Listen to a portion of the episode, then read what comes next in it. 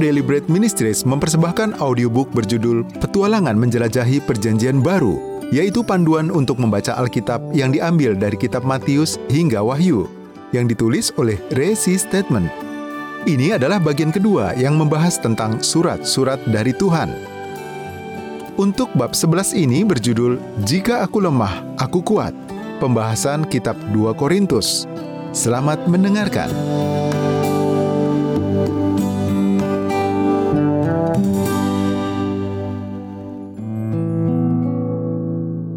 Beberapa tahun lalu, saya mengunjungi kota yang dimaksud Paulus dalam surat ini. Mengunjungi reruntuhan kota Korintus merupakan pengalaman yang sungguh menyentuh perasaan saya. Hanya sedikit sekali yang tersisa dari bangunan kota yang asli pada zaman itu, karena kota tersebut dihancurkan bangsa Romawi beberapa tahun setelah kunjungan Paulus ke sana. Sejak saat itu, kota tersebut hanya berupa reruntuhan. Beberapa pilar kuil masih tersisa, juga kawasan pasar dan tempat-tempat umum lainnya di kota itu. Jalan berbatu yang asli dari gedung pengadilan sang gubernur Romawi masih terpelihara dengan baik. Tidak sulit bagi saya untuk membayangkan Rasul Paulus ketika ia datang dari kota Athena dan memasuki kota ini yang pada saat itu menjadi pusat hiburan, pusat wacana publik, dan perdebatan filosofis, dan juga kota perdagangan yang besar. Kota Korintus jelas sekali memiliki banyak keindahan dan banyak kuil yang dihias dengan sangat indah untuk dipersembahkan kepada dewa-dewi kafir. Kota itu telah mendapatkan reputasi sebagai pusat ibadah penuh nafsu, pemujaan kepada Dewi Cinta, Afrodit. Kuilnya merupakan situs tempat sekitar 10.000 pelacur. Itulah persisnya yang dilakukan oleh seorang imam wanita Afrodit, menjajakan diri mereka. Korintus mewakili masyarakat yang syarat seks, sangat mirip dengan masyarakat kita anda dapat melihat berbagai indikasi dari hal ini dalam surat-surat Paulus kepada jemaat Korintus. Ketika saya berdiri di antara reruntuhan kota kediaman Priscilla dan Aquila, di mana Paulus pernah berkhotbah dan bekerja bagi Allah sambil menghidupi dirinya dengan membuat tenda. Saya mau tidak mau memikirkan frasa-frasa tertentu yang langsung muncul dari surat Paulus ini. Membaca surat kedua Paulus kepada jemaat Korintus menyadarkan saya bahwa surat ini merupakan salah satu suratnya yang paling pribadi dan emosional di antara semua surat lainnya. Untuk memahami dua Korintus, kita perlu memahami latar belakang dan konteks penulisannya. Setelah Paulus merintis gereja di Korintus dan berkarya di kota itu selama hampir dua tahun, ia meninggalkannya dan pergi ke kota Efesus di daratan utama Asia. Dari Efesus, ia menuliskan surat pertamanya kepada jemaat Korintus. Tujuannya adalah untuk membereskan sejumlah perpecahan yang telah terjadi di jemaat Korintus, termasuk sejumlah skandal yang telah mengguncangkan gereja itu. Setelah Paulus menulis surat yang pertama, sekelompok orang yang berniat memperkenalkan kembali Yudaisme garis keras yang legalistis menimbulkan banyak sekali masalah di dalam jemaat dan berhasil memberikan pengaruh besar di tengah anggota jemaat. Kelompok ini dikepalai oleh seorang guru yang menentang Paulus dan mungkin telah datang dari Yerusalem. Mereka mencemari jemaat dan mengajarkan bahwa jemaat harus menjalankan Taurat Musa. Dengan menyebut diri mereka golongan Kristus, mereka menyatakan diri sebagai satu-satunya pengikut sejati Kristus dan hukum Allah. Mereka juga mengklaim bahwa tema-tema agung tentang anugerah yang diajarkan Paulus bukanlah kekristenan yang otentik. Di dalam surat pertamanya, Paulus merujuk kepada orang-orang ini yang mengklaim bahwa mereka hanya mengikuti Kristus. Setelah Paulus menuliskan surat yang pertama, faksi ini rupanya mengambil alih gereja di Korintus, sehingga Paulus kembali mengadakan kunjungan singkat ke Korintus. Namun, ternyata ia ditolak oleh para pemimpin gereja. Gereja mula-mula yang telah dirintis oleh Paulus sendiri telah begitu dicemari oleh kekristenan palsu, sehingga Paulus sendiri tidak diterima di gereja itu. Lalu Paulus kembali ke Efesus. Dari Efesus, Paulus menulis surat pendek yang bernada tajam dan emosional. Isi suratnya menegur dan mengkritik orang-orang Kristen Korintus karena membiarkan diri mereka disesatkan. Tetapi surat ini bukanlah surat 2 Korintus. Surat itu telah hilang. Jelas bahwa Paulus menuliskan sebuah surat yang keberadaannya tidak terpelihara. Mungkin karena Paulus yang waktu itu menulis dengan kemarahan telah menuliskan kata-kata yang melampaui apa yang dikehendaki oleh Roh Kudus atau mungkin juga surat itu hanya menyangkut hal-hal sementara dalam jemaat Korintus. Hal-hal yang tidak akan memiliki makna bagi kita saat ini. Apa pun alasannya, surat yang hilang itu jelas tidak memiliki otoritas kitab suci. Jika Allah memang menghendaki surat itu tetap terpelihara, surat itu tidak akan hilang Surat 2 Korintus itu dikirimkan melalui Titus. Ketika Titus mengantarkan surat tersebut kepada jemaat Korintus, sang rasul tetap tinggal di Efesus dan dengan cemas menantikan kabar tentang respons orang Korintus.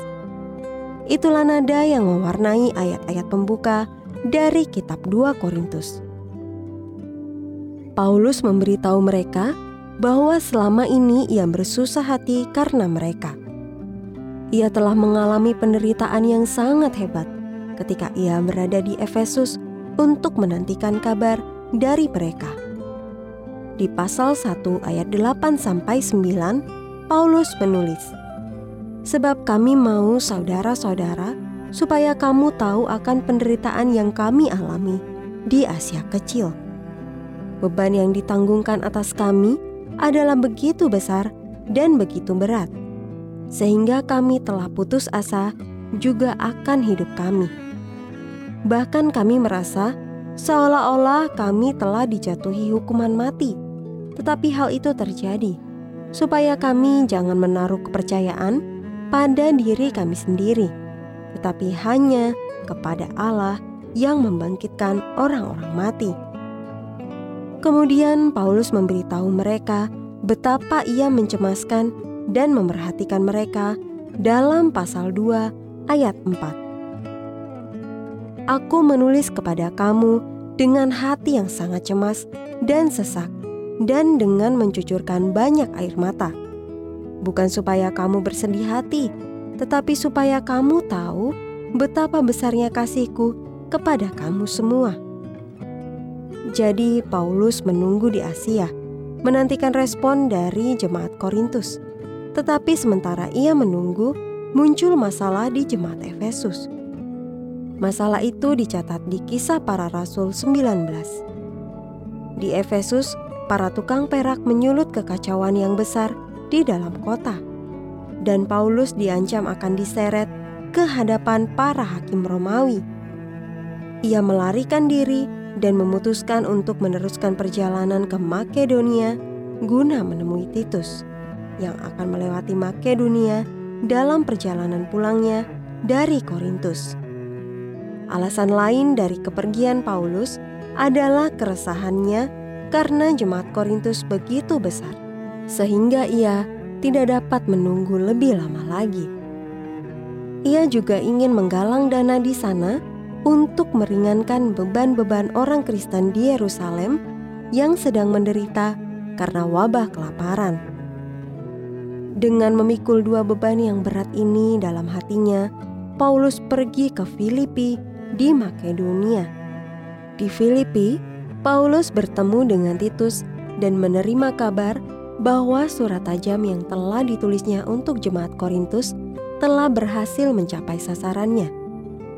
Mayoritas orang Kristen Korintus telah bertobat dari penolakan mereka atas pelayanannya dan mulai menjalani kembali kehidupan Yesus Kristus. Meskipun demikian, ada kelompok minoritas yang masih bertahan dan terus membangkang terhadap otoritas Sang Rasul. Oleh karena itu, dari kota Filipi, Paulus menuliskan surat ini, surat 2 Korintus, yaitu surat yang mengekspresikan begitu banyak kecemasan dan kegelisahan hati yang dialaminya. Berdasarkan latar belakang tersebut, Anda dapat memahami gejolak jiwa sang rasul ketika menuliskan surat 2 Korintus. Dari air mata dan luka hatinya, lahirlah tema-tema rohani yang agung dan tercantum dalam surat ini. Pertama, pelayanan di dalam gereja. Pasal 1 sampai 4. Kedua, memberi dan melayani atau pelayanan oleh gereja. Pasal 5 sampai 10. Dan ketiga, otoritas praktek kepemimpinan gereja yang bijaksana. Pasal 11 sampai 13. Berikut ini adalah garis besar struktural dari surat Paulus yang kedua kepada jemaat di Korintus. Pelayanan di dalam gereja. 2 Korintus 1 sampai 4. Dibagi menjadi tujuh bagian. Bagian pertama, pengantar 2 Korintus 1 ayat 1 sampai 11. Bagian kedua, perubahan rencana Paulus. Ia berhalangan untuk datang ke Korintus. 2 Korintus 1 ayat 12 sampai 2 Korintus 2 ayat 4. Bagian ketiga, mengampuni dan memulihkan orang berdosa yang bertobat. 2 Korintus 2 ayat 5 sampai 13. Bagian keempat, Kristus menjadikan kita mengalami kemenangan. 2 Korintus 2 ayat 14 sampai 17. Bagian kelima, pelayanan Paulus. Pelayanan karena kehidupan yang diubahkan. Pelayanan dari perjanjian baru.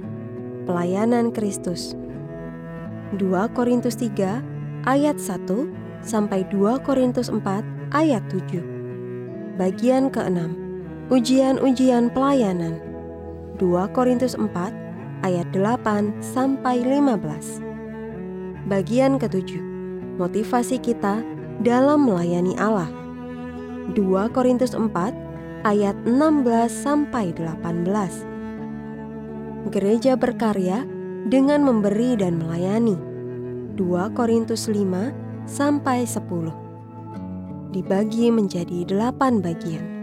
Bagian pertama, upah kita di masa depan karena melayani Kristus. 2 Korintus 5 ayat 1 sampai 16.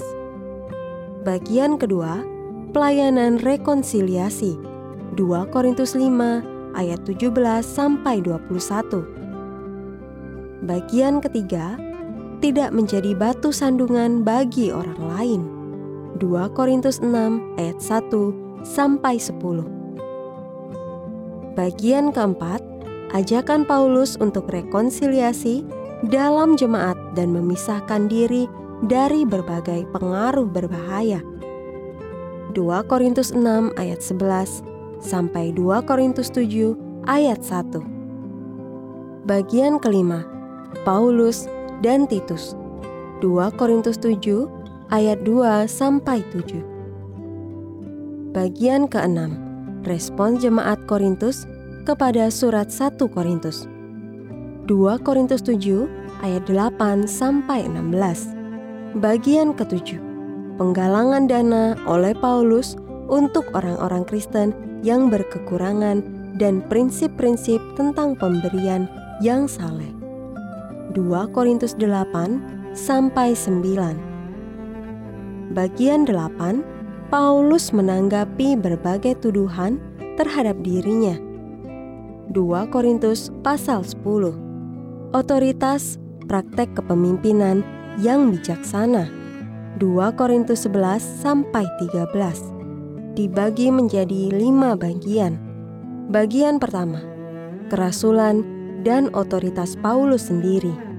2 Korintus 11 ayat 1 sampai 2 Korintus 12 ayat 6. Bagian kedua, duri dalam daging Paulus dan anugerah Allah yang cukup. 2 Korintus 12 ayat 7 sampai 10. Bagian ketiga, tanda-tanda dari otoritas Paulus sebagai seorang rasul. 2 Korintus 12 ayat 11 sampai 13. Bagian keempat, Paulus mendiskusikan rencana-rencananya bagi kunjungan di masa depan. 2 Korintus 12 ayat 14 sampai 2 Korintus 13 ayat 10. Bagian kelima, kesimpulan. 2 Korintus 13 ayat 11 sampai 14. Di pasal-pasal pembuka, kita menemukan suatu deklarasi tentang seperti apakah seharusnya pelayanan Kristen yang sejati. Seperti yang Paulus nyatakan dalam pasal 3. Misalnya, pelayanan itu bukanlah pelayanan dari perjanjian lama, tetapi dari perjanjian baru. Dengan kata lain, pesannya bukanlah tuntutan Taurat kepada manusia untuk memaksa mereka mengikuti aturan-aturan dan regulasi-regulasi tertentu. Ketika kekristenan menjadi seperangkat perintah yang harus dilakukan dan larangan, kekristenan selalu menjadi sesuatu yang mematikan, menumpulkan, dan berbahaya.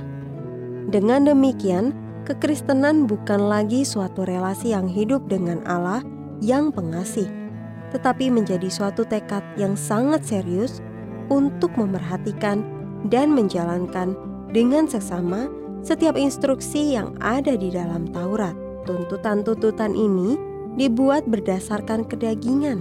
Seperti yang dikatakan Paulus, perjanjian lama yang diwakili oleh sepuluh hukum Allah memberikan tuntunan-tuntunan kepada kita tanpa menyediakan dinamika penyerta yang memampukan kita untuk memenuhinya itu adalah pelayanan maut. Seperti yang ia tuliskan di 2 Korintus 3 ayat 6. Ialah membuat kami juga sanggup menjadi pelayan-pelayan dari suatu perjanjian baru yang tidak terdiri dari hukum yang tertulis, tetapi dari roh. Sebab hukum yang tertulis mematikan, tetapi roh menghidupkan. Kemudian, Paulus melacak sejarah dari Perjanjian Baru. Ini merupakan rancangan baru bagi kehidupan, bukan sekadar tekad kukuh untuk mengambil sikap siaga dan berusaha melakukan apa yang dituntut Allah. Itu bukan kekristenan sejati. Relasi Perjanjian Baru merupakan kesadaran bahwa Allah telah menyediakan Roh Kudus untuk melayani kehidupan dari Tuhan yang sudah bangkit dalam kehidupan Anda. Kuasa yang sama yang membangkitkan Dia dari kematian juga tersedia bagi Anda sebagai kekuatan dan anugerah untuk melakukan segala sesuatu yang dituntut oleh kehidupan tersebut dari diri Anda.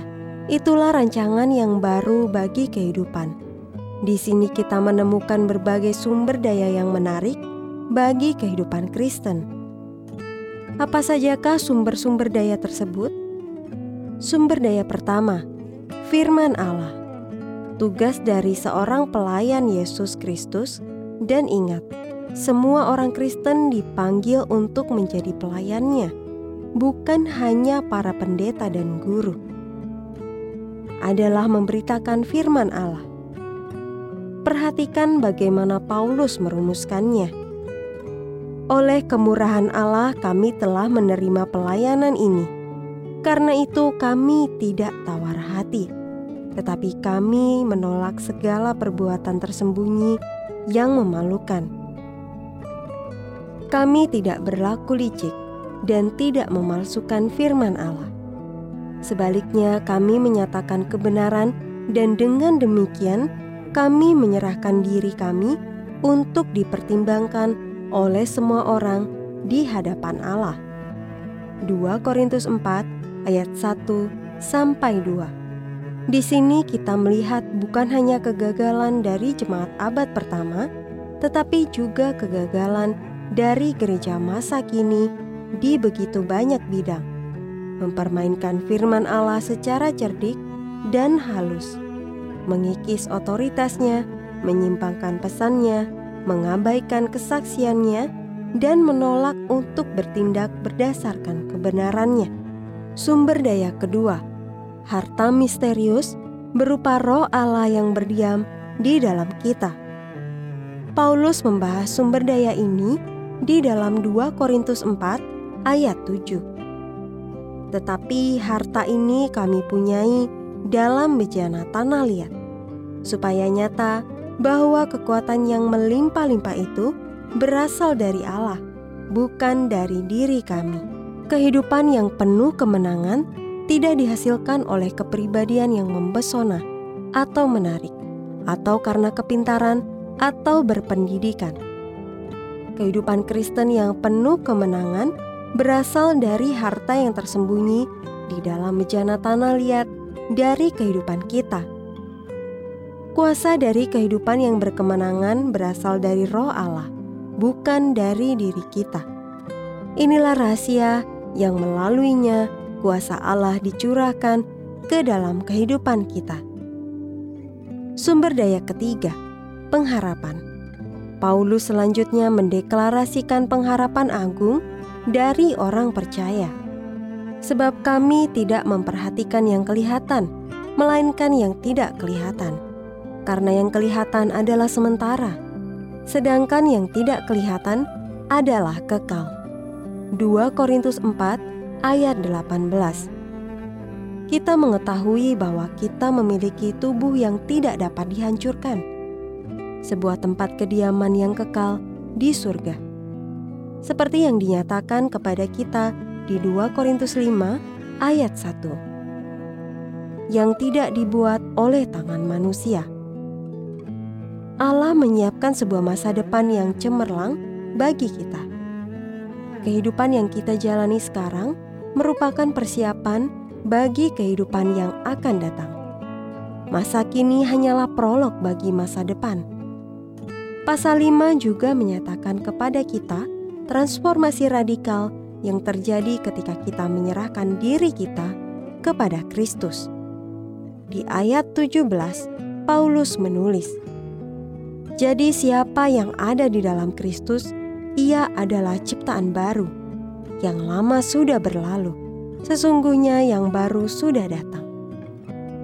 Kita adalah ciptaan baru di dalam Kristus, dan sebagai hasilnya, Allah telah memberikan kepada kita pelayanan baru dan berita baru, pelayanan dan berita pendamaian, dan semuanya ini dari Allah yang dengan perantaraan Kristus telah mendamaikan kita dengan dirinya, dan yang telah mempercayakan pelayanan pendamaian itu kepada kami.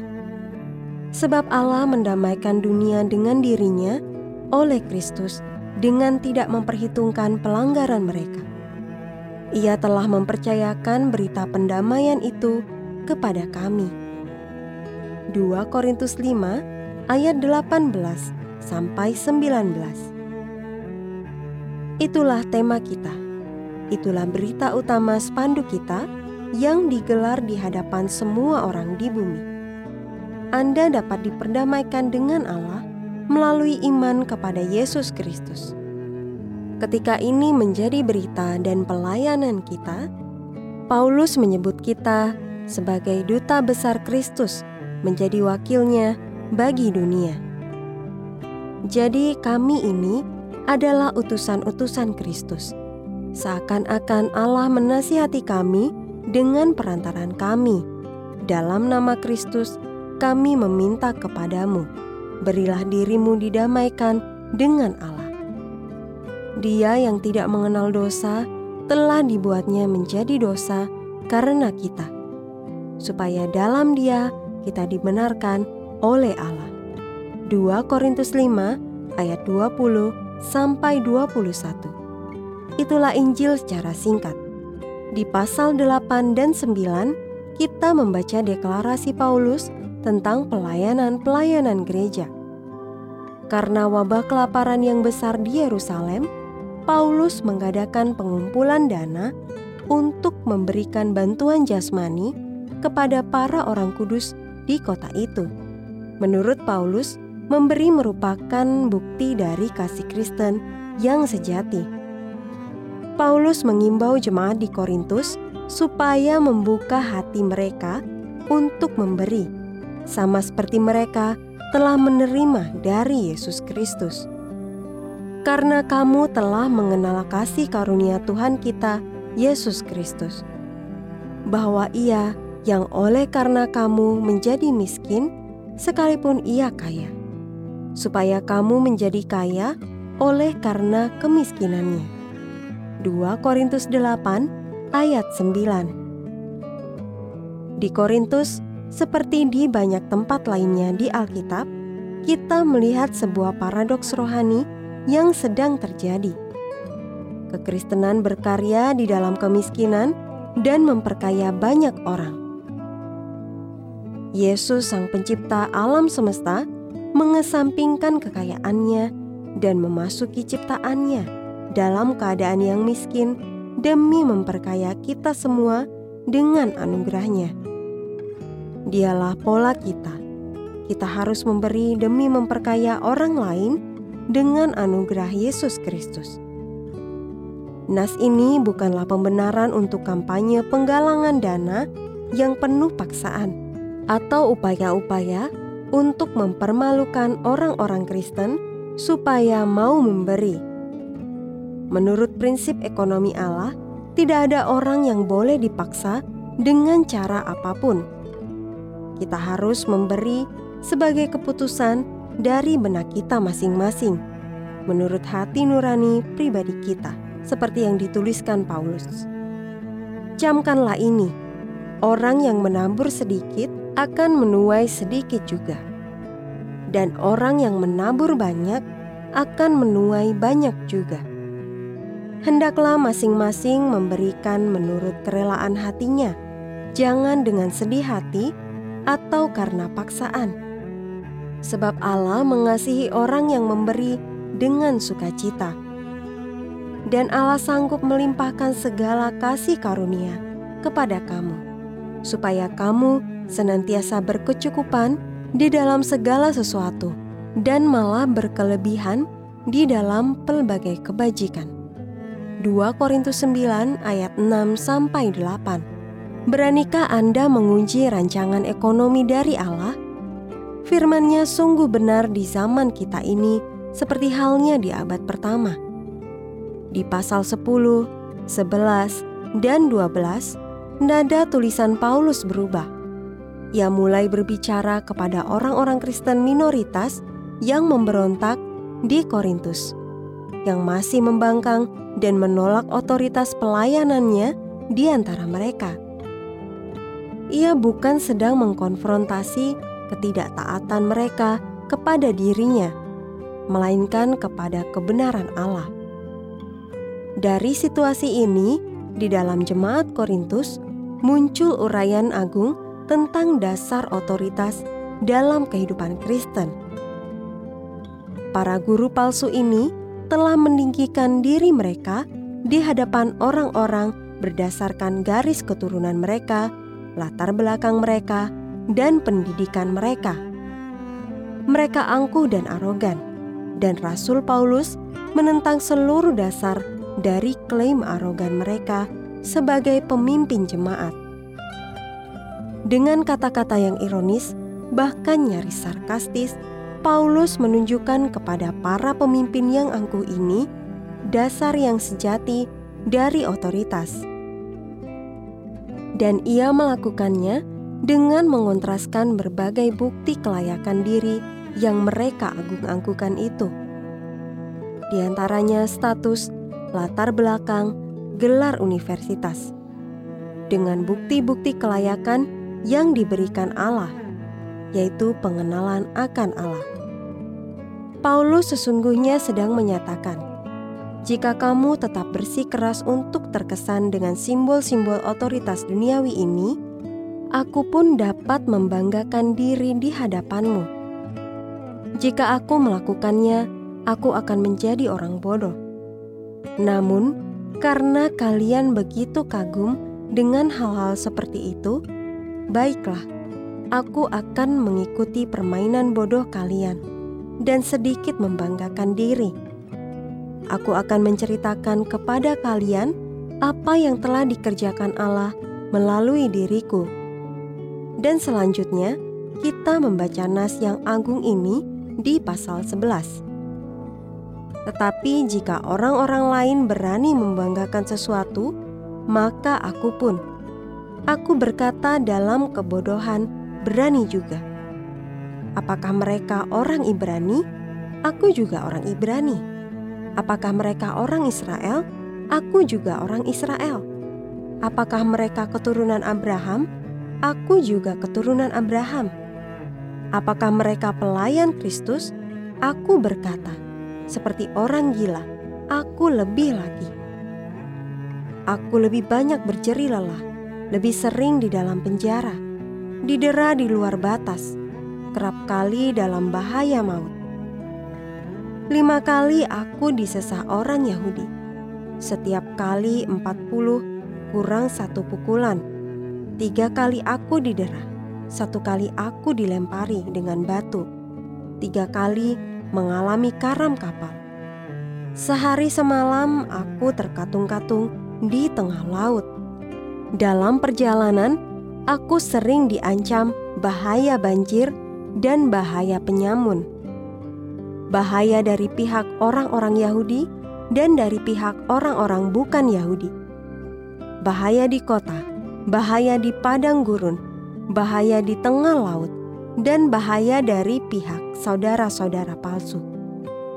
Aku banyak berjeri lelah dan bekerja berat. Kerap kali aku tidak tidur. Aku lapar dan dahaga. Kerap kali aku berpuasa kedinginan, dan tanpa pakaian, dan dengan tidak menyebut banyak hal lain lagi. Urusanku sehari-hari yaitu untuk memelihara semua jemaat-jemaat. Jika ada orang merasa lemah, tidakkah aku turut merasa lemah? Jika ada orang tersandung, tidakkah hatiku hancur oleh duka cita? Jika aku harus bermegah, maka aku akan bermegah atas kelemahanku. 2 Korintus 11 ayat 21 sampai 30. Bukti-bukti kelayakan yang luar biasa. Namun dengan cepat Paulus menambahkan bahwa hal-hal ini hanyalah kebodohan belaka, sesumbar yang sia-sia. Otoritasku tidak terletak pada hal ini, katanya. Jika kalian sungguh-sungguh ingin mengetahui apa yang menjadi dasar otoritasku dan dari mana datangnya kuasa rohani yang sejati. Perkenankan aku memberitahukan kepada kalian bagaimana aku mulai mempelajari pelajaran ini.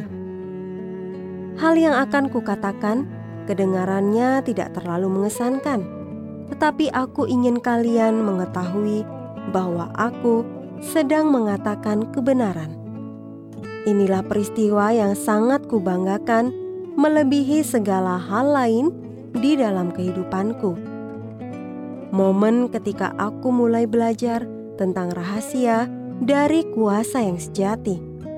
Lalu, dimulai dari pasal 11 ayat 31, Paulus menggambarkan momen ketika ia harus diturunkan dari atas tembok kota Damaskus supaya ia dapat meloloskan diri dari kejaran para pengawal Raja Aretas.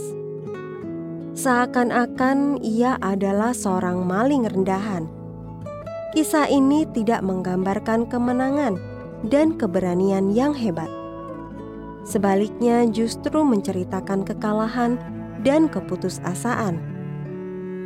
Namun, kata Paulus, inilah kisah tentang hari ketika ia belajar tentang kehidupan Kristen yang efektif dan berkemenangan. Ketika aku lemah, aku kuat. Paulus melanjutkan di pasal 12 ayat 6 sampai 10 untuk menjelaskan tentang duri di dalam dagingnya. Suatu sisi buruk yang menyakitkan dari kehidupannya. Mungkin sejenis cacat jasmani. Dan bagaimana ia tiga kali berdoa dengan sungguh-sungguh supaya Allah bersedia menyingkirkannya. Namun, Allah mengetahui yang terbaik dan Allah mengizinkan Paulus tetap memiliki duri di dalam dagingnya. Pesan Allah kepada Paulus adalah, "Cukuplah kasih karuniaku bagimu, sebab justru dalam kelemahanlah kuasaku menjadi sempurna." Sebab itu terlebih suka aku bermegah atas kelemahanku, supaya kuasa Kristus turun menaungi aku. Karena itu aku senang dan rela di dalam kelemahan, di dalam siksaan, di dalam kesukaran, di dalam penganiayaan, dan kesesakan oleh karena Kristus. Sebab jika aku lemah, maka aku kuat. 2 Korintus 12 ayat 9 sampai 10. Itulah rahasia dari kekuatan Kristen yang sejati, bukan sisi lahiriah yang mengesankan, bukan wibawa besar, kemegahan, atau keistimewaan, bukan gelar atau kehormatan atau penghargaan. Bukan itu semua. Kuasa rohani tidak pernah terletak pada kebanggaan dan kekuatan manusia. Juga tidak terdapat dalam kepribadian yang brilian dan mengesankan, ataupun kemampuan untuk berorasi dengan fasih. Kuasa rohani ditemukan di dalam hati orang yang memiliki sikap rendah hati yang sepenuhnya mengakui ketergantungannya kepada Tuhan yang hidup di dalam dirinya. Semakin lemah diri Anda, Kristus dapat menjadi semakin kuat. Di dalam sebuah surat kiriman yang syarat makna ini, ada pernyataan tentang hal yang mungkin menjadi kebenaran yang paling kaya dari semuanya.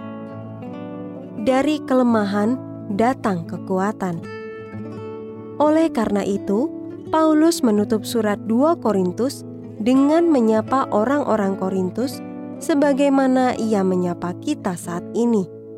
Ujilah dirimu sendiri, apakah kamu tetap tegak di dalam iman.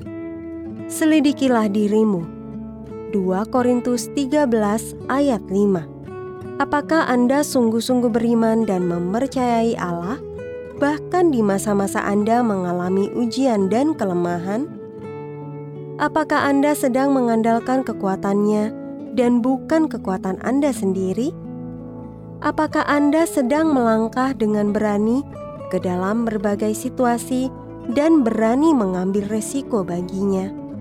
Bukan secara masa bodoh, tetapi dengan penuh kepercayaan karena Anda tahu bahwa Allah telah memimpin Anda ke dalam berbagai situasi tersebut dan ingin memakai Anda dalam kelemahan Anda, supaya kehebatan dan kuasanya dapat diperlihatkan kepada dunia yang sedang memerhatikan.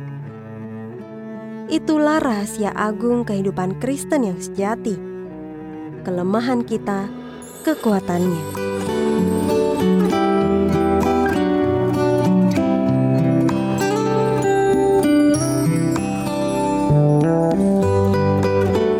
Baru saja Anda mendengarkan audiobook berjudul Petualangan Menjelajahi Perjanjian Baru, yaitu panduan untuk membaca Alkitab yang diambil dari kitab Matius hingga Wahyu yang ditulis oleh Ray C. Statement.